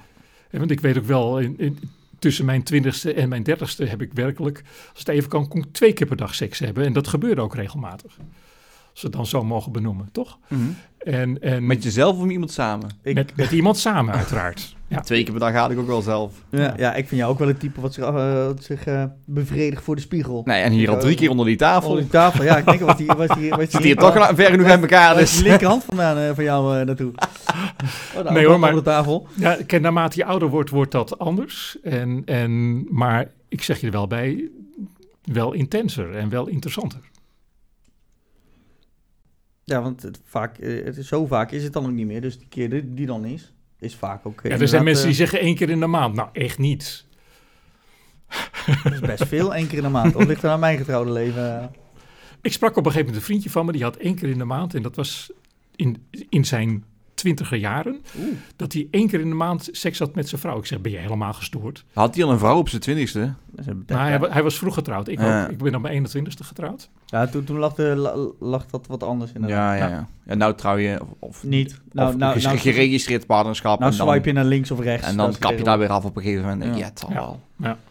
Precies. En, maar de, je- jij zei één keer in de maand vanaf zijn twintigste. Ergens, toen hij getrouwd was, nog één keer in de maand hadden ze seks. Ik zeg je, dat is uitermate ongezond. Achteraf bleek ook dat het allemaal nog wat anders in elkaar zat. Dat hij inderdaad met zijn vrouw één keer in de maand seks had, maar dat hij de andere dingen met iemand anders Ah. even niet noemde. Juist dat. maar goed, dat kon ik me ook niet voorstellen. Nee. En moest je die ene keer per maand ook plannen of was dat wel spontaan? Oh, dat, dat, oh, dat het moet... Ja, de eerste, iedere eerste maandag van de maand. Dat is... eh, Dat is een interessante, ja. Eén keer in de maand alleen maar wanneer eh, de, de vrouw in kwestie vruchtbaar is, zodat ze zwaar kan worden. Ja. Kan ook. Nou, Vaak, vaak, inderdaad, een man wil vaak wel iedere dag eh, drie, vier keer. En de vrouw die zegt, nou, Maar ik vind het Dus ook nog anders. Maar ik vind het ook nog anders als dan die één keer in de maand, zeg maar, echt was dat je er op dat moment dacht. Nou hebben we er allebei zin in. Of dat, dat het dan echt zo'n situatie was waarvan, ze, waarvan die vrouw zoiets had van ja. Het is alweer bijna eind eh, april. Het moet weer. Het moet weer. Ja. Dus ik laat hem maar. Want dat is wel, daar vind ik echt Oh, dat, dat- in in sneu gewoon. Ik heb er medelijden mee. zeesterren noemen ze dat. Nou, hè? ja, Zeesterren. nou misschien, misschien doet ze niet eens de zeester. Misschien denkt ze wel gewoon. Ik, ik zal mijn best maar doen en doen alsof ik, alsof ik eh, nu het voortouw neem. En, maar ja, wat, zal dat erg zijn, zeg? dat is erg. Oh, dat, dan voel je je toch heel erg klein worden. En als je er ook niet, met, niet samen over kunt praten, dat lijkt me ook verschrikkelijk. ja. Nou, communicatie is dat is essentieel. sowieso belangrijk. Ja hoor. Dat is sowieso Nou, belangrijk. dat is het allerbelangrijkste, communicatie. Eh, ook daar moet je misschien een plan voor maken. Maar ik vind, ik vind het opvallend. ik vind het opvallend dat jij niet zegt je stem.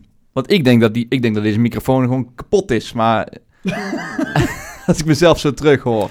maar Nou, volgens mij zit het wel een een radiostem, hele, toch? hele, hele, eh, gewoon warme stem bij jou en ook maar dat hoor ik zelfs niet. Nee. Ik denk, dat, ik denk dat wij echt hele, hele schrille baby's zijn. En eh ja, echt een volwassen, warme ja, Nou, radiostem. da- dankjewel voor het compliment, maar ik zie dat niet als mijn, mijn belang- belangrijkste... Wat je Eh. het mooiste vindt aan jezelf. Ja, ik, ik vind dat mijn, wat ik nu doe met een stuk coaching, een stuk begeleiding naar jonge mensen toe, eh, dat ik dat het belangrijkste voor mezelf vind. En als het dan wel fysiek moest zijn?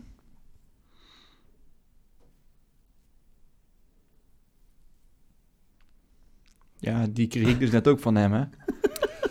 Dan, dan maar mijn stem. Nou, dat mag wel. Op deze, leef, op, op, ja, op, op, op deze leeftijd dan mijn stem, ja. Ik ben trouwens ook wel blij dat ik gewoon een volle baardgroei heb. Want ik mijn broertje soms zie, dan denk ik, ach jongen. Hoe lang, sta- hoe lang staat hij bij jou al? Dit, Ja, sinds 15 maart, sinds dat de kroegen dicht moesten. oké. Nee, nee, eh, dit... eh, is dit nou een steek? Want ik, ik kom ook niet dan drie, eh, drie haartjes onder mijn neus en twee op mijn kin. Dus Ja? Nee, nee, dat was geen steek hoor. Nee, nee, nee, nee. Dit, het wordt regelmatig tussendoor getrimd. Maar ik vind het wel tof dat, er gewoon, zeg maar, eh, dat, die, dat het gewoon vol is. En dat het ook de trend is. Of was. Of in ieder Ja. geval dat het geaccepteerd is momenteel. Ik besloot dat 25 november te doen vorig jaar. En Ja. sindsdien staat hij. En op een gegeven moment zei een collega bij mij op school, moet je dat niet trimmen? Ik zeg, trimmen? Dus ik heb zo'n trimapparaat gekocht. een beetje manscaping, manscaping. Ja, dat was voor mij nieuw. Maar even... Hij staat sinds 25 november. Ja. En tussendoor is hij niet getrimd. Of nu Tuurlijk wel? wel, ja. Oké, Dat. Nee, ja, oké. maar... Oh, er was een punt dat een collega dacht, dat nou, oh, ja, ja, Wordt zo. het- dan wordt mag wel even een, even een messie op Ja, een ja, ja, ja, ja, ja. Ja. Oké, dan... Now I get it. Ja. Sorry, nou, ik- sorry. Ja, dankjewel. Nee, Eh, eh, van, van mij staat hij dan ook al wel langer dan 15 maart. Alleen tussendoor is eh, een bij- keer de tondeuze. Ik denk dat de laatste keer inderdaad was dat hij er helemaal af is gegaan. Is eh, vorig jaar carnaval. Ik alleen zijn snor. Dat vond ik Oh, leuk. Zo'n zo'n foute... Ja, dat ik eerst een, ring, Oh, eerst een ringbaardje. Eerst een ringbaardje en alles glad geschoren. En daarna alleen de snor. En dan, ja, het is weer volledig teruggekomen. Dus eh, Nou, is- Gelukkig maar. gelukkig hè. ja, bereikt in ieder geval ook een groot deel van je gezicht inderdaad. Ja, dat scheelt, prettig, dat is wel prettig.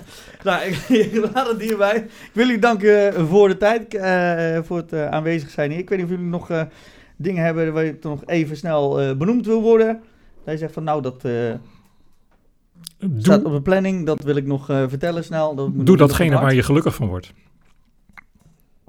En hou vol. Want ooit wordt het beter dan nu. Tenminste. Gaan we maar vanuit. Maar dit, is, dit is toch al beter? Ja, ja. is- ik, vind, ik vind het stiekem ook niet verkeerd hoor. Ik vind het eh, heel tof dat, we, dat, dat het even allemaal gewoon op de handrem is gegooid. En dat we ruimte hebben. En dat het niet meer per se iets uitmaakt als je iemand niet dezelfde dag terug WhatsAppt. Omdat die persoon morgen per se iets moet doen. Nou is dat inmiddels ook... Mensen zijn ook al wat andere dingen al- aan het verzinnen. Ik moet zeggen, het Maar is die- allemaal weer weggedraaid ondermiddels. Ja, maar die eerste... De die eerste, per- eerste week. eerste paar weken Ik, dacht ik, wel... ik, hoop, ik hoop zo dat we als mensen, we zijn te gast op deze aarde. Hè, We zijn te gast, we mogen op deze aarde wonen. En we mogen dingen doen en leren en elkaar ondersteunen, helpen, et cetera, et cetera. Eh, ik hoop dat we wat leren van wat ons nu overkomen is. En dat we de wereld dus wat beter kunnen maken en daarmee ook onszelf. Ik denk ik En niet overal- dat we heel snel weer in een verval raken. Nee hoor, ik, ik, ik ben ervan overtuigd dat er, en dat geldt niet voor iedereen, en jonge mensen zullen daar minder moeite mee hebben om weer door te gaan met business as usual. Omdat het ook helemaal in het systeem past. Jonge mensen willen gewoon veel meer, doen veel meer en hebben minder rust en ruimte. Maar dat een bepaalde generatie, nou laat ik zeggen 35, 40 plus, wat meer besef heeft gekregen van wat we allemaal aan het verkloten zijn. En dat we niet ieder weekend met een goedkope vlucht naar Barcelona of waar dan ook naartoe gaan, maar dat één keer per jaar op vakantie ergens naartoe al heel mooi is. En dat we dan een bijdrage kunnen leveren aan een leefbare planeet. Want we zijn de boel naar de kloot aan het helpen. Ja, ja, goed, dat, dat is, ja, goed, het is nog niet volledig zichtbaar. Dat het Nee, daadwerkelijk. En maar daar, daar zit kijk- natuurlijk altijd een probleem in. Dat is zelfs met coronavirus. In het begin daar zei iedereen ook.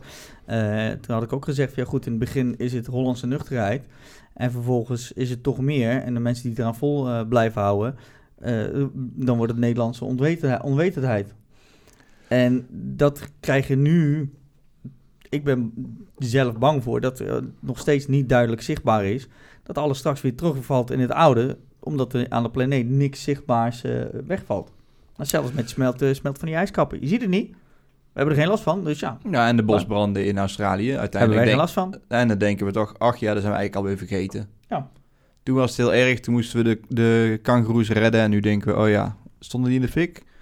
De Deurne hij ook. Ja, Ja, ja, zal wel. Bij ons is pas, het ook bij erg. de, pas bij de oudejaarsconferences krijg je dan van, oh ja, dat was dit jaar ook nog gebeurd. Ja, Ja, maar er zijn, toch, er zijn toch dingen gebeurd. Ik, ik moet je zeggen dat ik erg onder de indruk was van de speech van Willem-Alexander eh, op, eh, bij de dodenherdenking. Ja.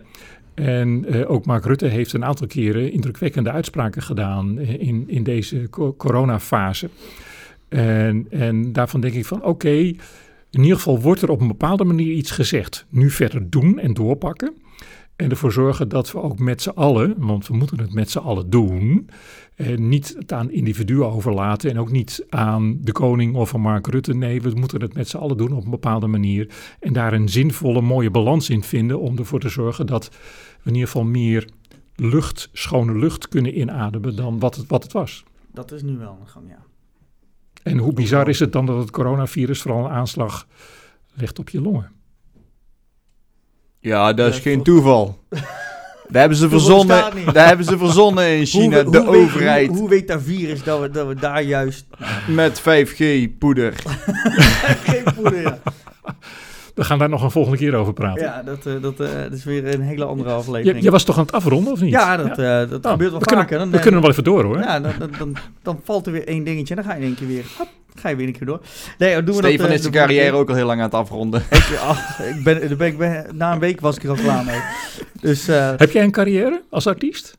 ja, ja, ja, ja. Vertel. Oh, nee, ja. Het, nou, is dat al zo vaak teruggekomen is. En nogmaals, het gaat Waar niet sta jij over vijf Het jaar? Waar sta jij over vijf jaar? Maar ik, Ja. eh, ik, ik hoop eh, op mijn beide beetjes nog op de grond. Dat, eh, Oh. Maar ben, maar ben je dan nog als artiest bezig? ik hoop het wel. Daar ligt de passie toch? Als jij niet... eh, Ja, met een goed plan. Ja. hè? Daar, daar, hebben we het weer. Een goed plan. Het plan, het plan voor nu is het afronden. Heren, dank jullie wel. Eh, voor jou daar aan de andere kant eh, van eh, dan wel het beeld, dan wel eh, de radio. Dank je wel voor weer het kijken, dan wel luisteren. En uiteraard zien we je graag eh, volgende week weer terug hier aan deze tafel. Vergeet niet te liken, subscriben, te sharen. Uiteraard, je weet hoe het werkt. En ik zeg nogmaals, stay home, stay safe. En Jerry Springer zei het altijd, pas goed op jezelf en elkaar. Dank je wel.